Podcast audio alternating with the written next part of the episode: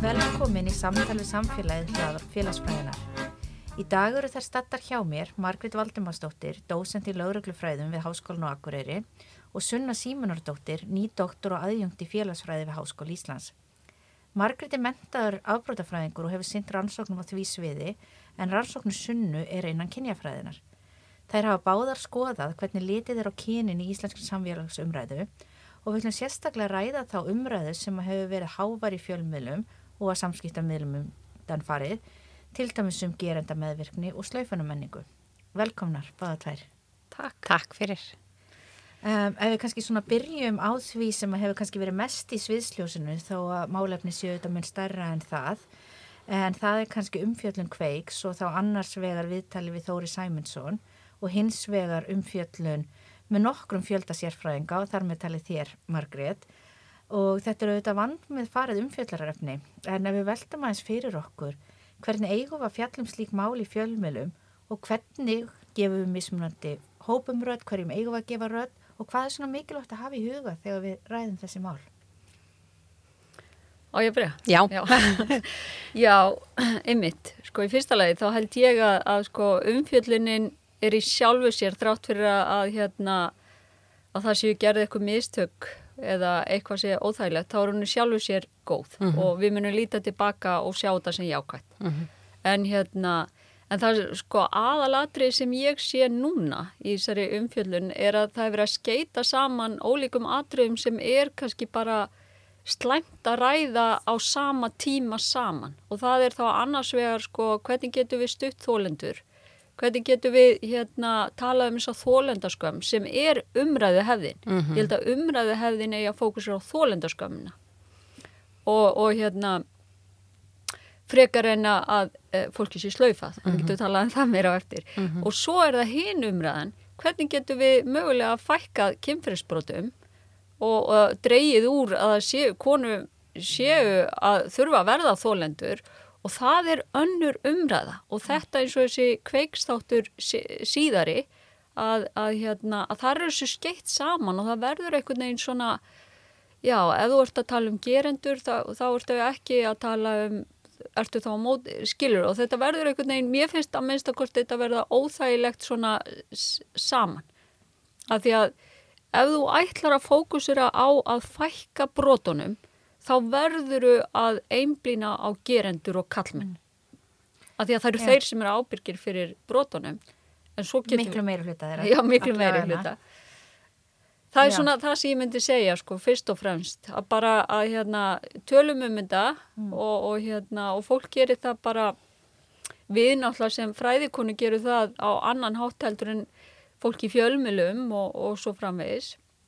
Og mér finnst auðvitað gott að þessi kallaði til eh, þessi kallaði til fræðafólk, ekki bara ég þá mm -hmm. finnst það líka skemmtileg en sko ykkur er fleiri en, en hérna bara ég held að þetta sé að við hefum bara ræða þetta En þetta virðist líka svolítið vera kannski þannig að við vitum ekki alveg hvað við höfum að gera við gerendur mm -hmm. og það kannski endur speklar svolítið umræðu hefðin eins og hún hefur verið því að ég meina við, ef við hugsaum um mörg önnur brot þá ertu innbrótamaður eða þú veist, það er einhvers sem fremur innbrótið og byrjst inn í húsið mitt Akkurat. og það er ekkert byrja kannski að spurja mig, þú veist, ertu með lélegan lás eða af hverju ertu ekki með þjóðvarnakerfi mm -hmm. eða af hverju áttu svona mikið að dementum sem einhverju vil stela, en náttúrulega í þessu málaflokki höfum við verið með að þú varst í of stuttu pilsi eða þú varst of mm -hmm. drukkin eða þú veist, þólandin í rauninni gerir rosalega mikið af raungum hlutum og gerendur stundum hafa bara týnst og ég menna við sjáum þetta til dæmis svona í annarum fjöldin sem hefur verið nýlega um til dæmis unglingstúlkur sem voru að senda myndir. Mm. Og þú sér frétta fólk til dæmis bara segja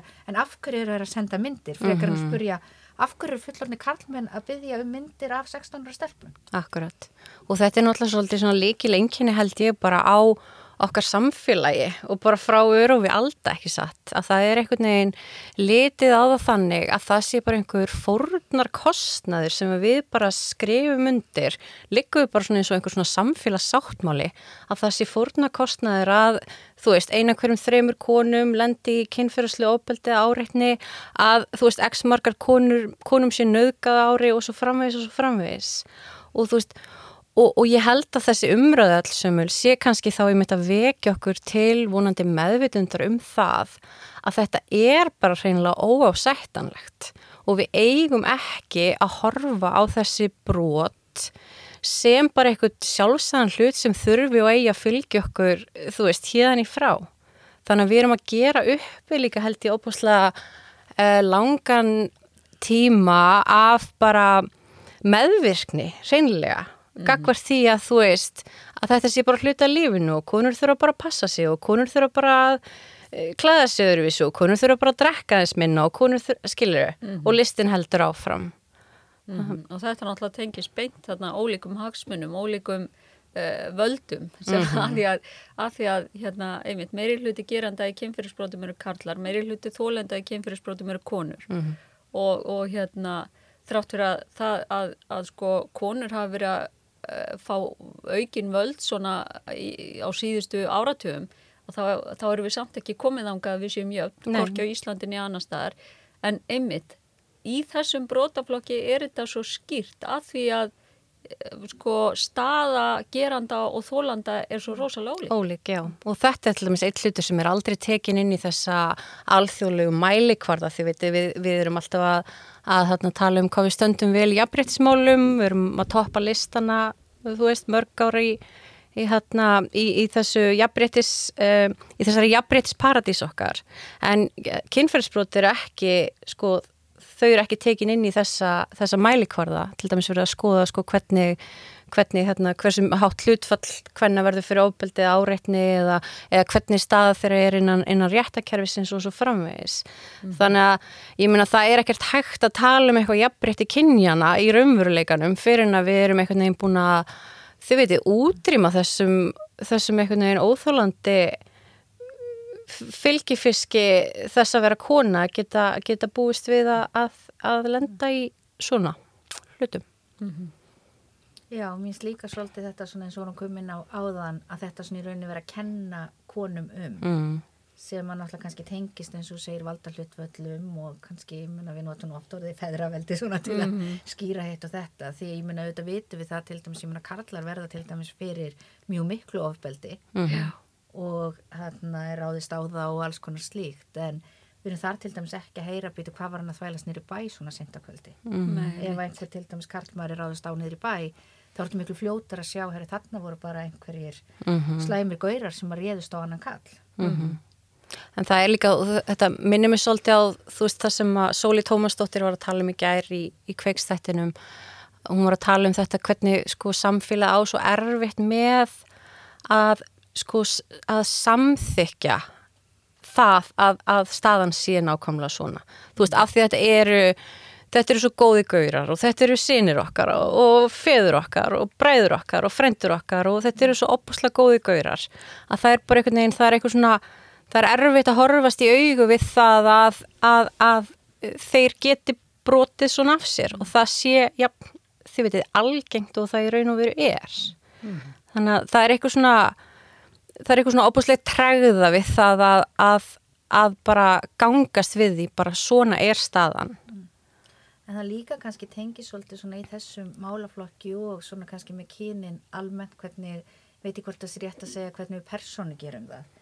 Er kannski frekar að spurja þess að stærri spurningu um hvernig samfélag viljum og hvernig viljum að sé bara komið fram með kalla á konur. Mm -hmm. Þá fyrir við þetta, þetta eru sínir okkar, þetta eru þetta mm -hmm. og ég myndi svo heyrur oft til dæmis með konur, þú veist ég myndi aldrei vilja, ég og nú hér dóttur og þess vegna þú veist finnst mér hræðilegt að svona hluti gerast. Mm -hmm. En það er ekki bara nóðið finnst hræðilegt að svona hluti gerist fyrir konur. Einmitt. Og því hvort þú er þrjár dættur eða ekki. Algjörlega Já, og þú veist, við erum auðvitað að tala um þessi tvö hugtök sem hafa verið mjög mikið í umræðinni annars vegar þólindarskömmin og hins vegar skrýmslaveðinguna góðu strákarnir e, get ekki verið skrýmsli og hérna, og með þólindarskömmina þá þetta er eitthvað eins og skrítið að sjá þetta, að fylgjast með þessu, sko, fylgjast með umræðinni og hérna að fara 20 ára aftur í tíma þegar bara svona fyrst vera að benda á já, nei það er ekki í lagi að spyrja hvernig hún var klætt eða hvað, hérna, hvað hún var að gera, hvað hún hafi drukkið og allt það. Og við bara já, nei, alveg rétt, það er ekki, það er ekki í lagi að gera það.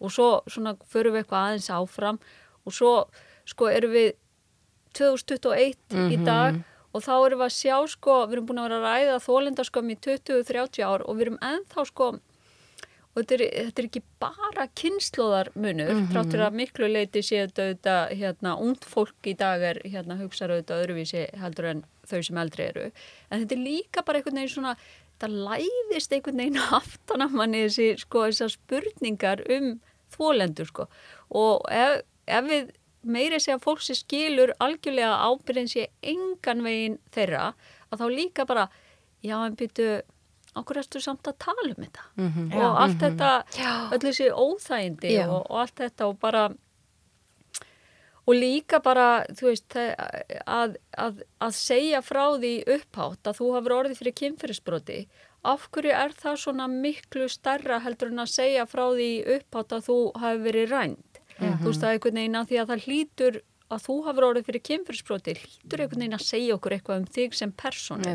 Þannig að það fælst líka svo mikil stiflun í að vera þólandi. Mhm. Og svo náttúrulega, þú veist, við, þú veist, erum við alltaf að tala um þólendur, þólendur, þólendur. Mhm. Vi, við erum ekki alltaf að tala um þólendur, þólendur, þólendur í öðrum brótaflokkum. Þannig að þetta er sérstakur brótaflokkur sem ég held að tengist verði alltaf sérstakur vegna þessara ólíku valda hlutvalla gerenda og þólenda. Einmitt. Og mér hefur fundist það opbúslega erfitt bara að fylgjast með umræðinni og orðræðinni sem hefur verið í gangi upp á síkastið, þú veist, á samfélagsmiðlum, þú veist, í kommentakerfunum, þú veist, þar sem er einhvern veginn kannski verið að, uh, þú veist, tala um 16 ára börn sem einhverja einhver tálkvendi og einhverja gerendur sem er að, þú veist, lokka einhverja aumingjans karla á fertugsaldri til við sig og, og þú veist, og, og það er engin svona það vantar óbúslega mikið upp á bara svona ég veit ekki, einhverja svona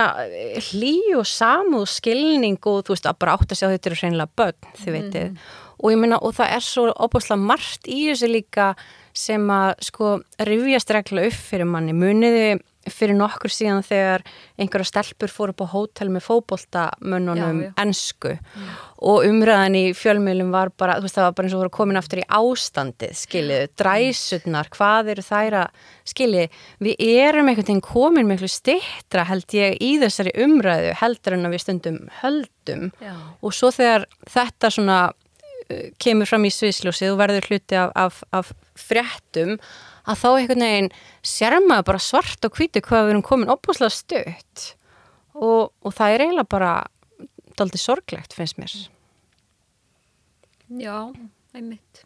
Og svo kannski að fara eins og minnist og ég mitt fór að hugsa þarna um ástandið líka og svona þá hvernig þá eru konurnar eru dæmdar. Mm og svo kannski mann ég voru oft svona kannski verið að snúa því að við að hvað hefði til dæmis gerst hvernig það íslenski karlmenn haga sér ef það hefði komið svona mikið af erlendum konum inn í samfélagið. Emitt. og þarna en alltaf einhvern veginn svona sjá þetta en mér finnst líka svolítið áhugavert að kannski koma aðeins inn á þessi völd aftur. Mm. að því við erum alltaf bæði að tala um að auðvitað er ákveði valda misræmi þegar þú ert kannski 16 ára og einhver er á 40, 50 aldri alveg óháð kynu og svo náttúrulega bætist það við að karlar eru kannski með hærri valdastöðu almennt en konur í samfélaginu og svo náttúrulega líka eins og við höfum náttúrulega oft séð að jafnvel er þetta tektir einstaklingar. Þannig að þú ert líka kannski komið með það vald. Mhm.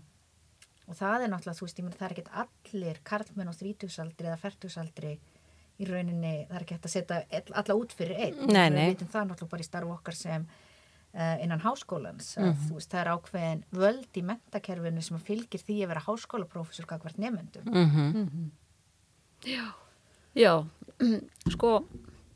ekki mjög vísindalegt, en mér finnst þessi regla um þinn aldur deilt með tveimu pluss sjö, ekki hafa komið nú oft fram.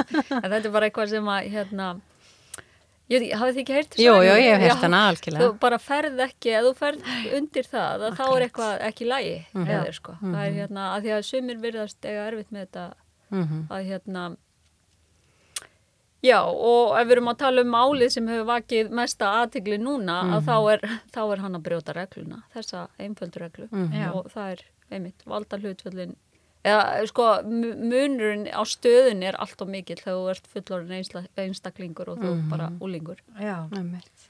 og mér langar kannski aðeins að fara svolítið í þessu orð og hugtök og þannig að við tölum nú svona stundum um COVID og hvað við höfum þurft að læra mikið af nýjum hugtökum en ég held að það er líka við á þessu sviði Mm. og náttúrulega hluta til að því að við erum kannski búin að vera með hugtök eins og þólendaskömm mjög lengi. Mm en svona kannski nýrri að við erum farin að tala um eins og, og myndi kannski vilja heyra aðeins meira um það sem við erum að tala um þessa skrimslavæðingu en þá líka uh, gerenda meðvirkni sem að við höfum uh, auðvitað verið að heyra og kannski hvað er það sem við eigum við með þessum hugtökum og svona kannski hvernig hefur þessi meðvirkni byrst í samfélaginu undarförnum árum og í raun áratugum og hvernig tengjast á rauninni þessi kannski tvö hugtök um skrimslavæðingu og gerenda meðvirkni Mm. -hmm. Og ég að byrja að tala um gerenda með Já, endilega. Sko ég held náttúrulega eins ég var að segja þannig að þetta sé eitthvað sem hefur bara fyllt okkur. Ég meina við getum rifjað bara, þú veist, biskupsmálið og svo framvegs og, og það, þú veist, það er óbúslega lítill svona hljómgrunur í samfélaginu almennt til þess að bara trúa konum og sérstaklega þegar við erum að tala um að sá sem hefur fram í brot sé valda mikill maður, þú veist, hvort sem það er þú veist, valda mikill uh, út af, út af, þú veist, sinni fræð eða, eða, eða beinum völdum eða þess áttar, eða stöðu. Um, þannig að það sem ég held að sé að gerast núna er það að þólendur eru að stíga fram í auknumæli, sérstaklega á samfélagsmiðlum og þetta eru ungar konur, það eru annari kynnslóð en við sem sittum hér í dag og þær, margar hverjar eru bara þær eru ekki tilbúinur til þess að sætta sig við það sem að okkar kynnslóð sætti sig við. Það er ætla ekki að þeia, er ætla að stinga á þessi kíli og, og móttökunar sem þær síðan fá er að, að það er, þú veist, það eru þessir svona, þessar algengu spurningar, þú veist, ertu alveg sem þetta hafi verið svona slæmt, hvað gerði þú, sakleysun, sektir, sönnuð, allt þetta sem við þekkjum úr umræðinni á meðan að, að uh, þessir kallar, þessir góðu strákar sem okkur langar svo mikið að varvita einhvern veginn sem góða menn, þeir þurfi ekki annað en að, þú veist, fella tári í einhverju viðtali og þá er bara allir einhvern veginn vagnin búin að hoppa á þeirra, á þeirra, á þeirra band, sko. Þannig að ég held að hljóti að vera ótrúlega sárt að einhvern veginn opna á einhverju svona sára reynslu og tilfinningar og, og, og, og að upplifa síðan að samfélagið mæti þér með þessari vantrú og þessari svona, þessum ofsalega fókus á rétt gerandans að það sé algjörlega hafið yfir allan vafa, hann hafi nú gert nákvæmlega allt sem þú segir hann hafi gert og svo framvegs og svo framvegs. Þannig að mér finnst bara svona sem áhörfanda opaslega sláandi og, og merkilegt að fylgjast með þessum svona samfélags átökum eiga sér stað. En er þetta ekki líka kannski svona tveir punktar kannski tengdi þessu annars verður þá náttúrulega virðist þetta vera svolítil innföldun á hver við erum sem manneskjur. Mm. Ég, ég held að við getum nú svona í flestu verið sammálum það að sennilega höfum við öll gert einhverja góða hluti Mhm. og einhverja slæma hluti. Mhm. Og það er kannski mjög sjálfgæft að eitthvað eitt af þessu geti skilgreint okkur algjörlega sem eilifu, nei, nei. manneskjur og kannski bara vona að þú gerir meira gott yfir æfina heldur en slæmt. Þannig að svona þetta í rauninni, já, svolítið svona svart hvít mynd bara, þú veist, Mm góður að slæmur og líka kannski einhverju að vera svolítið einstaklingsgera vandamál sem er kannski miklu starra samfélagslegt vandamál hvernig við horfum á karla og konur Mhm. og mér finnst það myndi áhugavert að segja sko eitthvað sem við hefðum kannski sætt okkur við Mhm. og að sumuleiti kannski þú veist okkar kynsluð og hérna nú erum við margreit aðeins eldri en þú Mhm. og svo ég tala ekki um kynsluður mæður okkar og þú veist ömmur og afa og slíkt þannig að líka bara kannski eitthvað sem við hefum ekkert síðan eitt aðtugavert við Mm, mhm. því að svona bara voru og ég meina þú veist bara hugmyndir eins og sem að þú kannski mannst bara að til dæmis bara þú varst búin að kissa einhvern þá er rauninni þýtti það bara það var þín ábyrð bara að þarna, þú veist gera meira Mm. og þú veist ekkert í rauninni eða þú veist ekki þú en svona þú veist Mhm. konur og kannski kallar að því við erum náttúrulega öll fast líka í þessu kynjakerfi Já, já. að þarna, þú veist, við náttúrulega og það fólk semst í rauninu náttúrulega bara svona internalæsar þetta Algjörlega. svona er veruleikin, svona eru hlutverkin Mhm. og ef að þú vilt ekki þetta þá ættu heldur ekki að gera þetta Mhm. og náttúrulega bara hlutir eins og við höfðum og vitum með að þú veist, það var ekki hægt að nöðga einhvernum sínum til þetta Nei, nei, mitt. að þetta er bara að vera búin að segja já á einhverju brúðköpstegi Mhm. einhver tíma náttúrulega þýtti bara áskrifta kynlífi Mitt. En, en viða í heiminum ekki hægt að nauka já, maka sín. já. Já. og það kannski svona finnst mér svona spurning með eins og bara það sem að hún endaði nú á hún þóra í kveikstættinum hinnum fyrri Mm. með að þegar við erum í rauninni hvað eigum við, þú veist hvernig eigum við í rauninni í dag að kannski beita glerugum viðmiða í dag á eitthvað sem gerðist fyrir 10, 20, 30, 40 árum Mhm. Já, einmitt, það- sko að því að þetta er held ég bara smá flóki, þetta er hérna, við verðum að horfast í augu við það að viðmiðin okkar er að breyta, hafa breyst Mhm. ekki bara viðmiðin okkar vi- viðhorfin okkar, heldur bara lögin hafa breyst, Mm. fyrir 1992 að þá var til dæmis ekki lagalega séð hægt að nauka kallmanni, það var bara ekki hægt Einmitt. Já, og, og hérna það var engöngu naukun ef þú notaðir sko hérna líkamlegt vald eða hótun Mhm. Og, og það var limur í leggöng Mhm.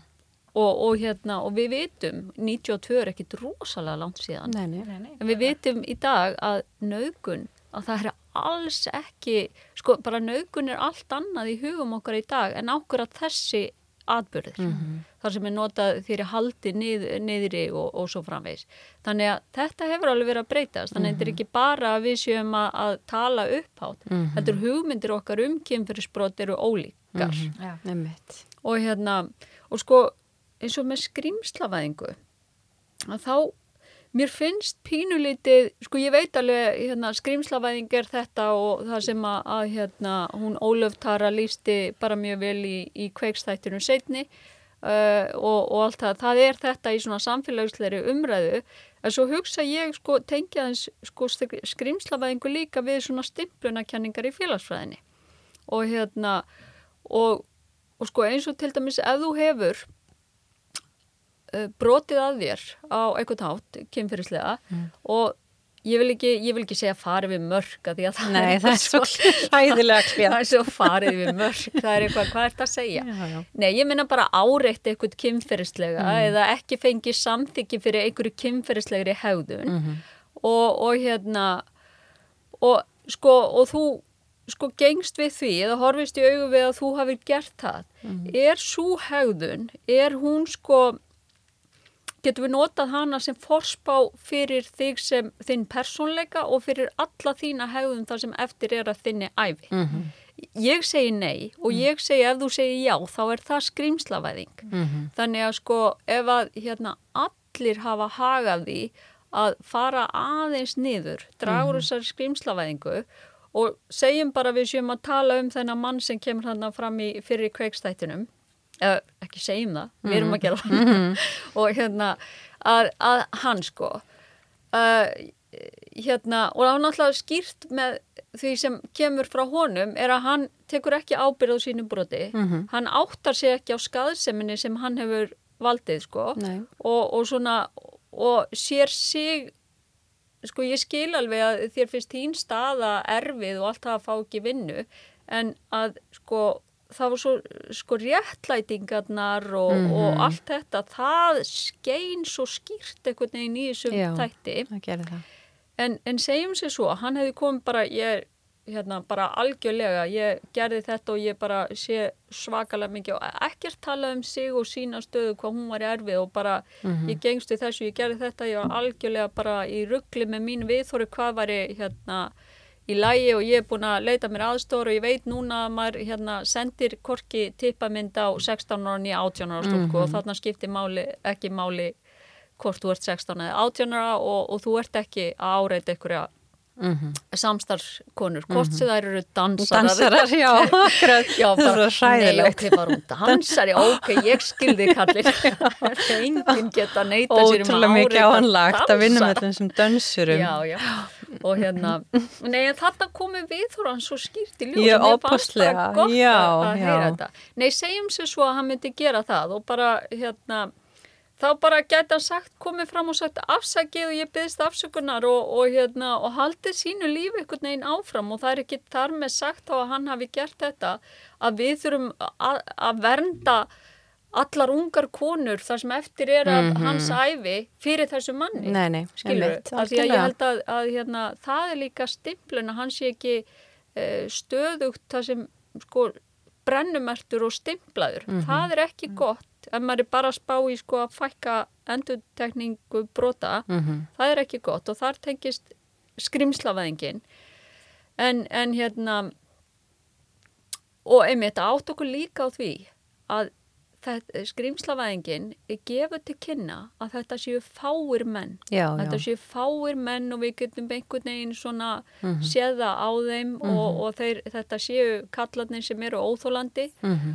en sko svo bara eins og að tala um aldursmun og valdamun á milli sko karls og konu í sambandi svo horfum við bara á ædolin okkar og, og sjómarfstjörnunar og fræga fólkið og ég finna uh, Beyoncé og Casey nei hérna Jay-Z. Nú, nú, nú verður mér fyrst laupað þannig kom að því sko ég saði eitthvað sem fólk mun algjörlega ekki, nei ég meina bara allt þetta að hérna eh, allar þessar stórstjörnur uh, hérna Leonardo DiCaprio og hérna þú veist að, fólki sem okkur við lítum upp til Mhm. að hérna þetta fólk er bara alls ekki eh, einhvern veginn til fyrirmyndar þarna Mm. og, og er í einhverju ruggli veist, þetta er út um allt Mm. þetta er út um allt samfélag okkar er gegnum sírt af viðhórum um að þetta sé í lægi Mhm. Mhm. og þess vegna sko það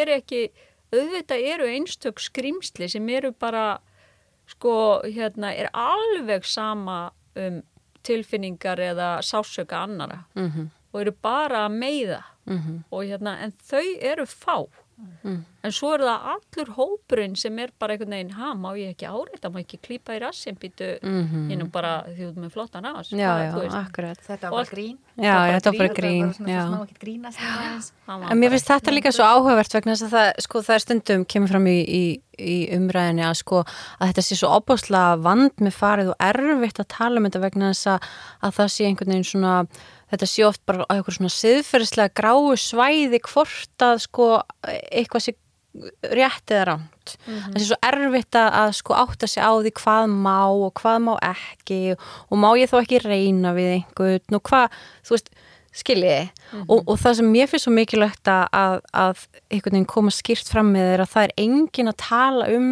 einhvern siðferðislegan pjúritanisma hérna. Mm Skilur, við erum öll manneskjur sem gerum alls konar, við ljúum og höfum okkur asnarlega og þú veist, gerum alls konar asnarlega hluti sem við skömmumst okkar fyrir, þið vitið. Um, og, og það er ekki það sem við erum að tala um, það er hluti að því að vera manneskja. Það sem við erum að tala um eru hreinlega, þú veist, brot, það sem þú gengur á aðra mannesku með þeim hætti að, að þú veist, þú ferð yfir öll velsæmi smörk þú veist, Já, brýtur á henni Mhm. um, við erum ekki að tala um þú veist, að einhver reyni við þig í kaffistofunni eða skiljiði Mhm. En það er líka kannski svolítið sem að vantar í þessa umræðu er náttúrulega líka kannski svona sem að náttúrulega félagsfræðin segir okkur að þú veist ég meina náttúrulega allt sem við hugsum er félagslega skapað allt sem við gerum. Og náttúrulega líka þú veist mikilvægi samhengis í hvaða aðstæðum eru ákveðnir hlutir að gerast. Og mér finnst það til dæmis áhugavert sem við varst að tala um hér áðan með tippamyndirnar. Að við erum náttúrulega til dæmis í einhverja ákveðni menningu sem hefur kannski verið að það sé jafnvel bara mjög eðlilegt að senda konu sem voru aldrei hitt og jafnvel ekki tala við að fyrstu samskiptin geta jafnvel verið tippamynd. Mm -hmm. Og ég held til dæmis að sé ekki mörgum konur sem að dettur það í hug Herra, nú ætla ég að spjalla um einhvern mann, ég best að taka mynda kynfærunum mínum og senda. Einmitt. Þó að sem myndi opna- kannski líka En þannig að þú veist, það kemur einhvern veginn að sko hvenar verður eitthvað sem að þú veist viðgengst svona, Mhm. að því svona alltaf getur verið líka aðstæðar þar sem það er algjörlega við hæfi og til dæmis bara og spurt myndið í langi svona mynd Já, já, og konan einmitt. myndi segja, heyrðu, já, gjarnan þá Einmitt. getur bara verið algjörlega við hæfi að senda slíka mynd Akkurat. Og sem sagt bæði það og náttúrulega oft þetta eins og bara að reyna við einhvern Mm og fólk tekur mismunandi í það Mhm. en þú veist hvernig átt ekki að hætta ef einhver hefur engan áhuga eða byður þig að hætta -hmm. og auðvitað aftur eins og við erum að tala um völdin Mm að það er svolítið munur á því til dæmis og þetta notum við kannski ofta akademíuna Mm. þetta er alltaf munur á því hvort að háskólaprófessor sé að reyna við annan háskólaprófessor eða nefnda, það er ekki það sama Nei, Nei. algjörlega, algjörlega. Já, akkurat. Og hérna, já, sko það er taktu skrefið sem eru samtök, sem eru fyrir, uh, sko sérstaklega kannski verið fókusinir á unga menn sem eru með svona, er ekki alveg vissir. Já, Og það er bara fræðsla. Ef þú hefur ágjur af hvaða kynhægðun er í lægi og hver er ekki í lægi, Mm að þá mæli ég með því að, að hérna, fólk kiki á taktu skrefið -hmm. hana, síðuna og bara kynni sér hvað er í bóði af því að ég held þetta sé stundum óskýrt eins og þú segir. Og kannski ekki nógu mikil áhersla á til dæmis bara mentun á einmitt, náttúrulega bæði kannski náttúrulega bara sem tengis kinnfræðslu almennt og kinnfræðslu þá kannski mun víðara samhengi heldur en bara þú svonur axlun að færi kvenna og svonur axlun að færi karla og Já. er það nú eitthvað batna síðan við vorum í já, grunnskólum. En líka til dæmis bara að minna, við erum að fá jafnvel mótmælu um hvort að ég kenna kynjafræði í Mhm. hana og sumulega ætti kannski bara að byrja að kenna hana strax bara í og saman náttúrulega eins og með hinsegin fræði þar sem að hefur komið mótmælindi varðandi það. Þú veist hvað er það einhvern veginn um kannski þessar hluti sem að skipta ofsalega miklu málu um hvernig samfélagið er og hvernig við komum fram við hvort annað? Og ég meni ég myndi segja allavega jafn miklu máli og kannski að kunna að reikna og uh, vita hvað öll lönd í Evrópi heita. Mhm. En mér finnst þetta líka því þú segir að, að sumir hlutir hafi batnað, þú veist, kynfræsla hafi batnað frá því hvað hún var. Nei, Ég segi ég vona. Já, já, já, Ég- akkurat og ég held að það sé alveg rétt, ég vona það líka en ég held að það sé líka mikilvægt að átt okkur á því að, að svo eru aðri hlutir sem hafa þá vestnað. Já. Ég meina, þú veist, og það er bara, hefur verið sínt fram á það með ótal rannsóknum að, þú veist, klámneisla er mjög mikil í alþjóðlum samburði og klám er ekki það sama í dag og það var fyrir, þið veitir, 20 árum, 30 árum, það er bara allt annar handleikur um, og, og ég held að við megum ekki vera svo hrætt við að vera einhver svona álitnir einhverjir leiðinda pjúritannar að við treystum okkur ekki til þess að taka þá umræðu líka ég meina, hva, hva, þú veist að því að ég meina allt menningarefni sem beinist að okkur það er að senda okkur einhver skilabóð og ég meina við, við, hermum ekkert beint eftir en það hefur áhrif. Um, og við sjáum þetta líka ég meina ég, þú veist, á tvær stelpur sem hafa farið gegnum grunnskóla og eru, þú veist og það er ákveðin svona, einhver svona stráka menningstundum svona þú veist, að horfa niður á stelpunar þær eru ekki jafn merkilegar og mikilvægar og við strákarnir og þetta byrjar ótrúlega snemma.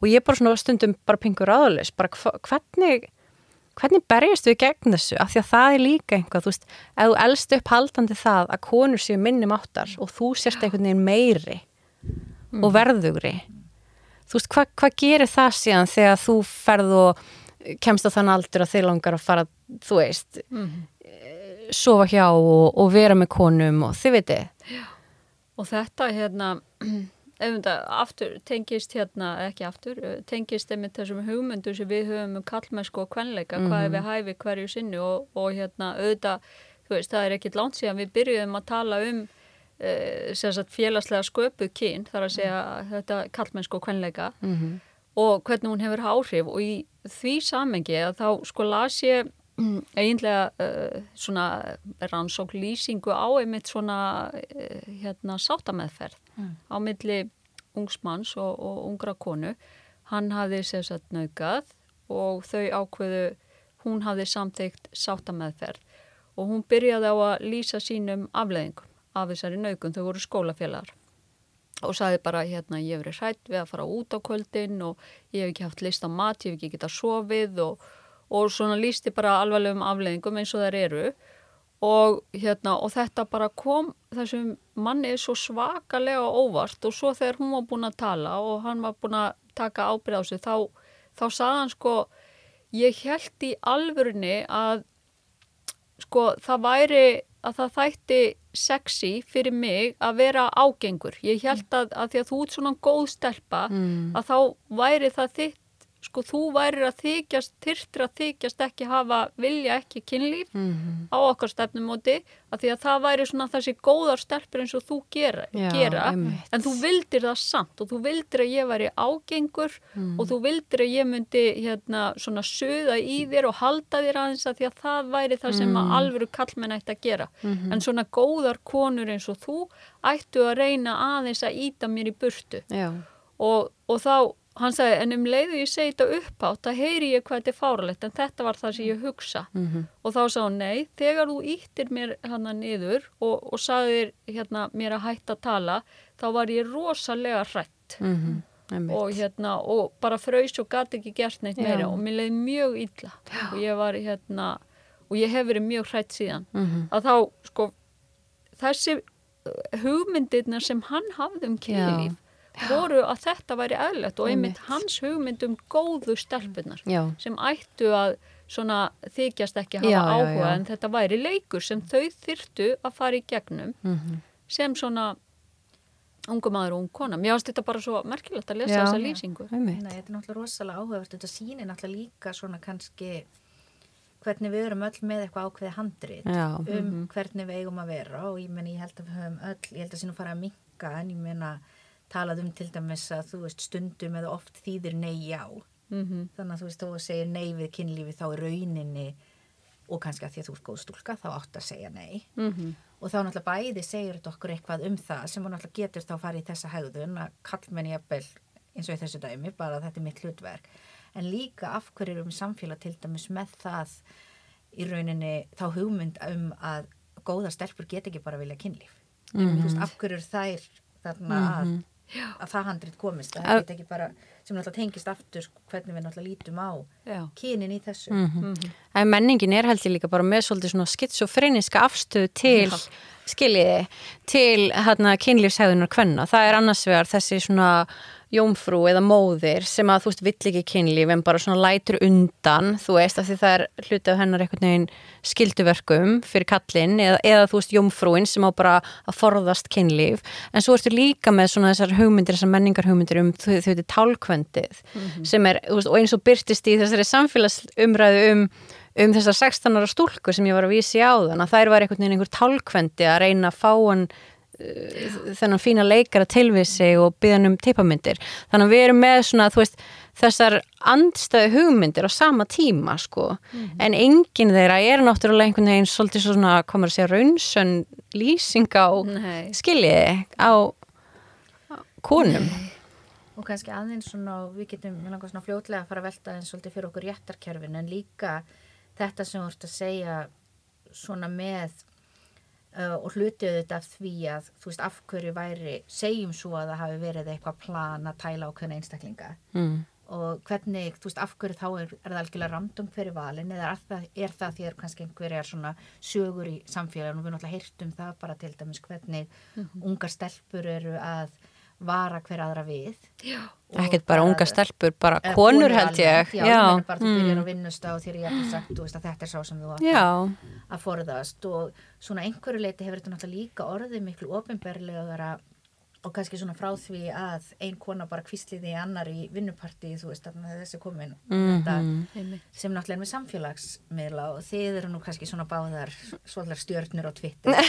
Miklu fyndnar en ég til dæmis sem kann bara rítvíta um einhverja félagsfæðilega Þú ert bara, þú ert, þú ert fyndir í personu. Já, ég, ég er til dæmis bara fyndir á akkurat.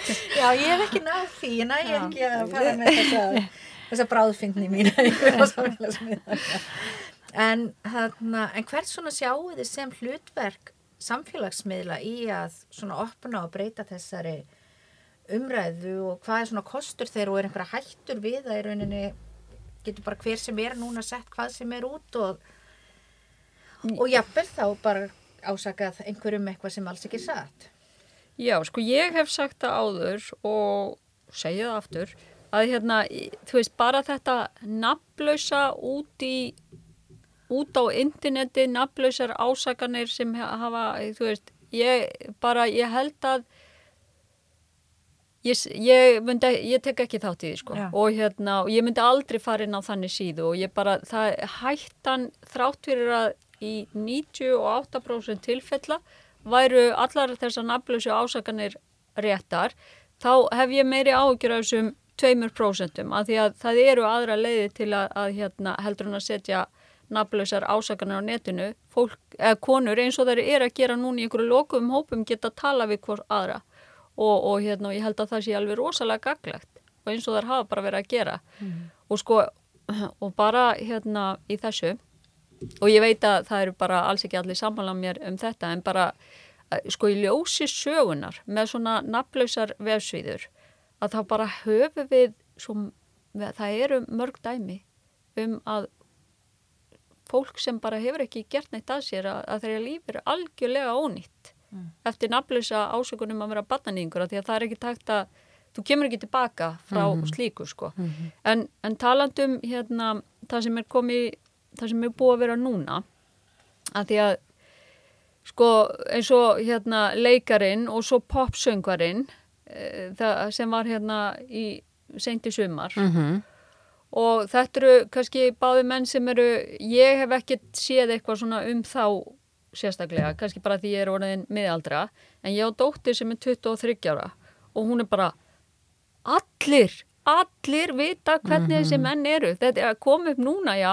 En sko, ég var vöru við þessum þegar Já. ég var í þú ég hef og- svo margar svona sögur líka frá einmitt, yngra fólki. og, og hérna það, það virðist ekki koma nei, neittni konu á tvítugsaldri á óvart Nei. að þessir tveir menn skilur við, að því að, að hérna, bara þannig að það sé sagt sko, Já. og þá spyr maður sér líka að því við okkur voru ekki löngubúnir að missa vinnuna okkur voru þeir að fá verkefni okkur var fullorðið fólk sem var vitnaði Já. bara ekki hérna einhvern veginn að líta í hinn áttina Mhm.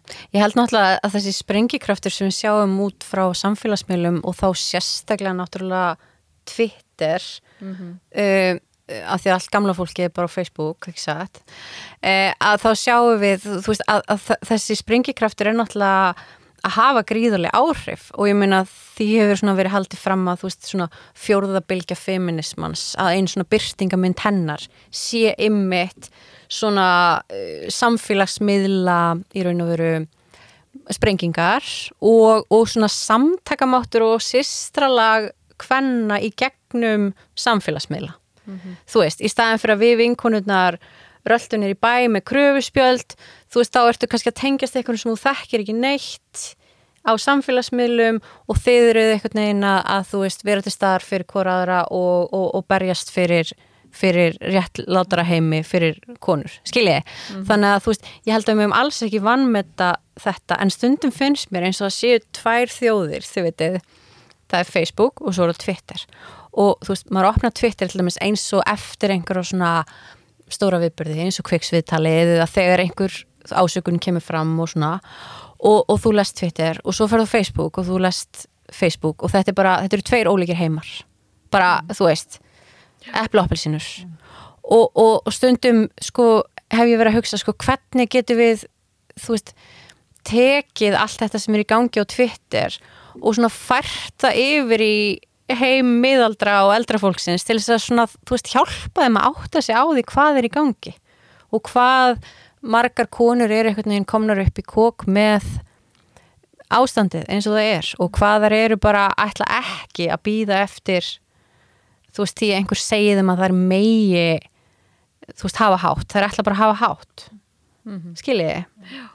En þetta þá kannski svona leiðir inn í að hugsa um það sem kannski margir sem var á Facebook myndi segja að auðvitað eigum við bara að fara í gegnum réttakerfið og þetta náttúrulega bara að fara í ferli og þá að kæra einstaklingarna og eins og þú sagðir hér áðan með saklausun til þanga til að sekt er sönnuð. En svo auðvitað þarftu kannski ekki að skoða réttakerfi mjög mikið til að sjá að það er auðvitað kynjað eins og svo sem allt annað í samfélaginu.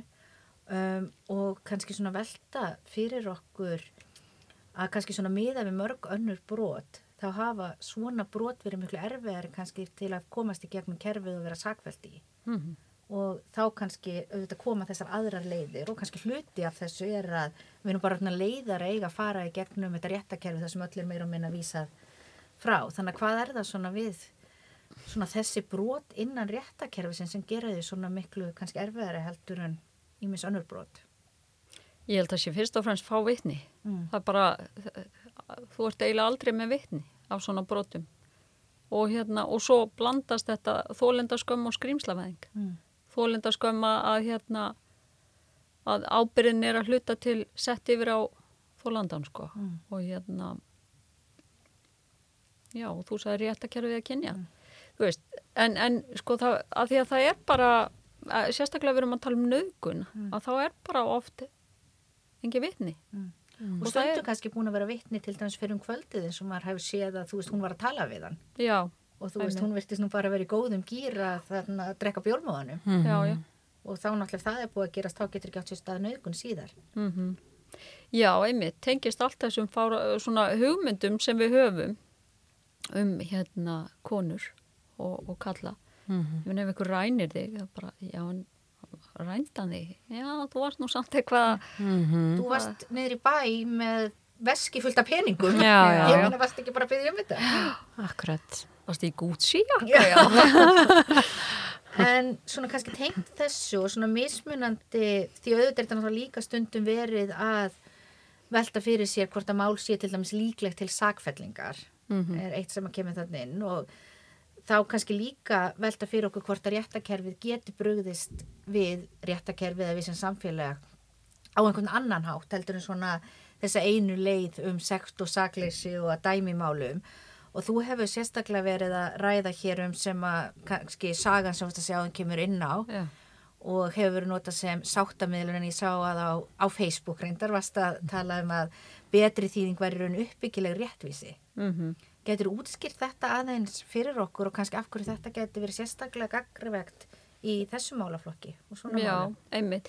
Já, sko, ég, ég, einmitt, þá, grei, grei, hérna, vísigreinin var löguð og það, þar var sáttameðferð tekið út og sett inn eftir að ég setti þennan hérna, Facebook status og þá var uppbyggileg réttvísi komið inn.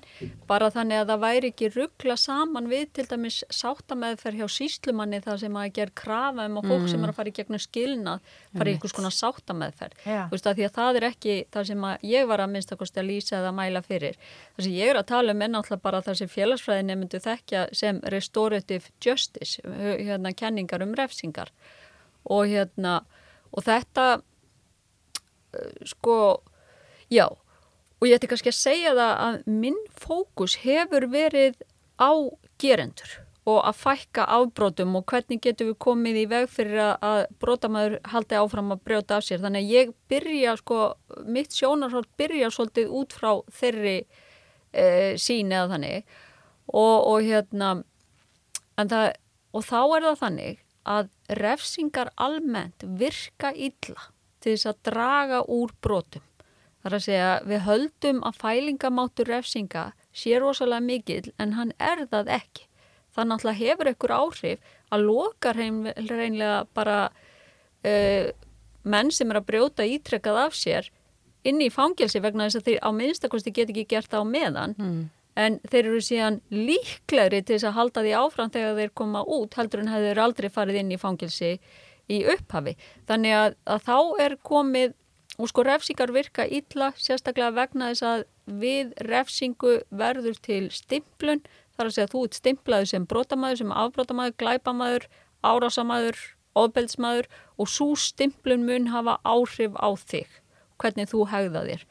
Og, og þá kemur til, við þurfum að finna leið sem að, að hérna, þannig að sko það gagnist þólendum að þólendur fái réttlæti en að við séum ekki á sama tíma að útskúfa eða eh, stimpla gerendur og þá kemur þetta restorative justice og sem er þannig að einmitt verður alltaf að vera á forsöndum þólenda af því að annars er þetta ekki hægt. Þetta getur ekki verið einhvern veginn að gerandi kom inn og fá einhverja syndaflausn og segi bara sorry, allt er góðu núna og haldi áfram. Er bara, það, þetta er alls ekki hugmyndin. Heldur að, að hérna, gerandin skilji nákvæmlega hvaða skada hann var að valda vegna þess að það er ekki hægt að breytast nema þú skiljir hverju þú þarft að breyta og þá bara, já, býtu, þetta er mín ábyrð, þetta er skaðin sem ég olli, þetta eru afleðingarnar sem þú ert að upplega vegna minnar hegðunar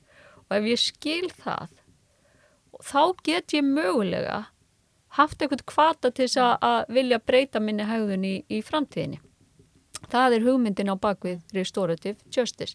Þannig að, að gerandi komið þarna inn og skilji bara afleðingar gjörða sína og geti þess vegna tekið ábyrð á þeim og, og sagt, uh, þroskast á í kjölfarið en án þess að vera stimplaður það sem eftir er sem árásamaður, ofbelda, ofbeldismadur og þólandin fær þá þarna uh, væntalega að upplifa einhvers konar réttlæti vegna þess að það er bara gerandin tekur ábyrð og hlustar.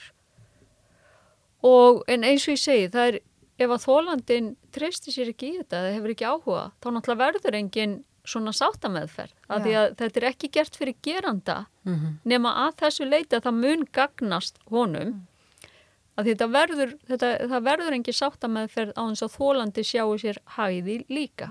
Og þetta hefur verið til staðar hér á Íslandi hjá lauruglunni í öðrum brotaflokkum með unga gerendur eins og sem brjóta rúður og annars leitt og þá þurfa þær hreinlega að fara bara að laga rúðuna eða þrýfa vegginn sem þið voru, þú veist, þetta hefur verið hugmyndin.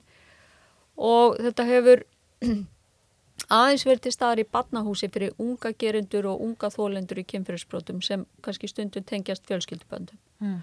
og rosalega vand með farið en hefur reynst vel í ykkurum dæmu. Þetta hefur ekki verið til staðar í kynfyrirsbrotum fyrir fullorði fólk á Íslandi en það sem það er rannsóknir sem ég hef skoðað sem eru gerðar eins og í bandarækjunum á Breitlandi sína að fólk sem í gegnum svona sáttameðferð er almennt ánaðara kemur betur út heldur um fólk sem gera það ekki bæði þólendur og gerendur. Þannig að þetta er það sem ég hef verið að svona benda á og þetta er, ég meina þetta er bara félagsfræði. Já, það er allt félagsfræði. Og svona kannski hengt auglustlega þessu en líka kannski að fara svona að lokum aðeins í víðara samhengið og svona hugsa um það samfélag sem við viljum byggja til framtíðar. Og ég held að margi getur verið sammálum að þessi erfiðar svona samræður og uppgjör sem þurfa eiga sér stað núna. En hvernig getum við gert það á góðan og uppbyggilegan hátt? Og ég held við séum búin að koma inn á eitthvað inn og þegar. Og líka þú veist hverju mun þetta skilja? Já, er það þess virði að gangi gegnum alla þess erfiðleika að því að við sjáum eitthvað ljós í lokin? Heldur betur. Sko ég held að við séum að gangi gegnum bara sem samfélag einhvers konar svona siðaskipti, þið veitir.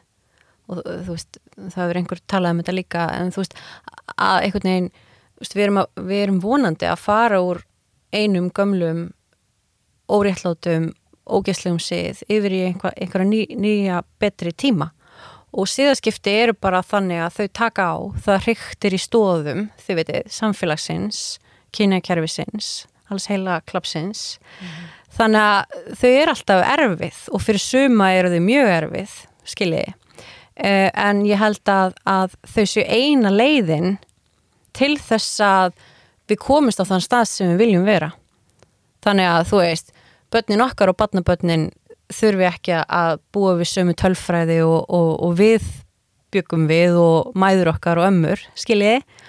Og ég held einhvern veginn að líka þessi umræða, þið veitir, ég meina talandi bara um fælingamátt og nú er ég ekki með, þú veist, gögnabákum þannig að þú getur leiðrétt mig, Margrét, ef ég er að segja einhverja bölvaða vittlisu, en ég meina ég ímynda mér bara að það hljóta vera þannig að með hvernig umræðan er núna að það hafi ákveðin fælingamátt á það að karla beiti óbeldi. Þú veist, vil ég lenda í því að vera hérna smetla á divaf, vil ég að mamma mín fái SMS þar sem að henni tilkynnt um hvað ég gerði? Skiljiði, mm. þú veist, þetta hlýtur að hafa áhrif, ég, ég bara treysti því. Og ég held að þegar við erum búin að sigla í gegnum þetta saman hversu erfitt það verður og sásöka fullt, þá held ég að við verðum bara á betri stað mm. Já Já, samanlega Nei, ég tala svo mikið á það, sko, ég bara vil búið með minn kvota. Já, ég held að held ég að þetta sé bara mjög góð loka orð hér uh, og við svo sannarlega leysum ekki þessi mál í einum hlaðvarstætti en ég held að öll umræða sé af hinnu góða og nákvæmlega eins og segir að einhvern veginn bæði velta fyrir sér hvernig er í rauninni aðskildir þættir með þólendaskömmun og þólendur annars vegar og síðan gerendur mm. hins vegar en líka hvernig við einhvern veginn færumst til framtíðar í að við bara vonandi þurfum ekki að nota þessi hugtök lengur. Þannig að kærar þakkir fyrir að vera hér með mér í dag. Takk sem að leiðis.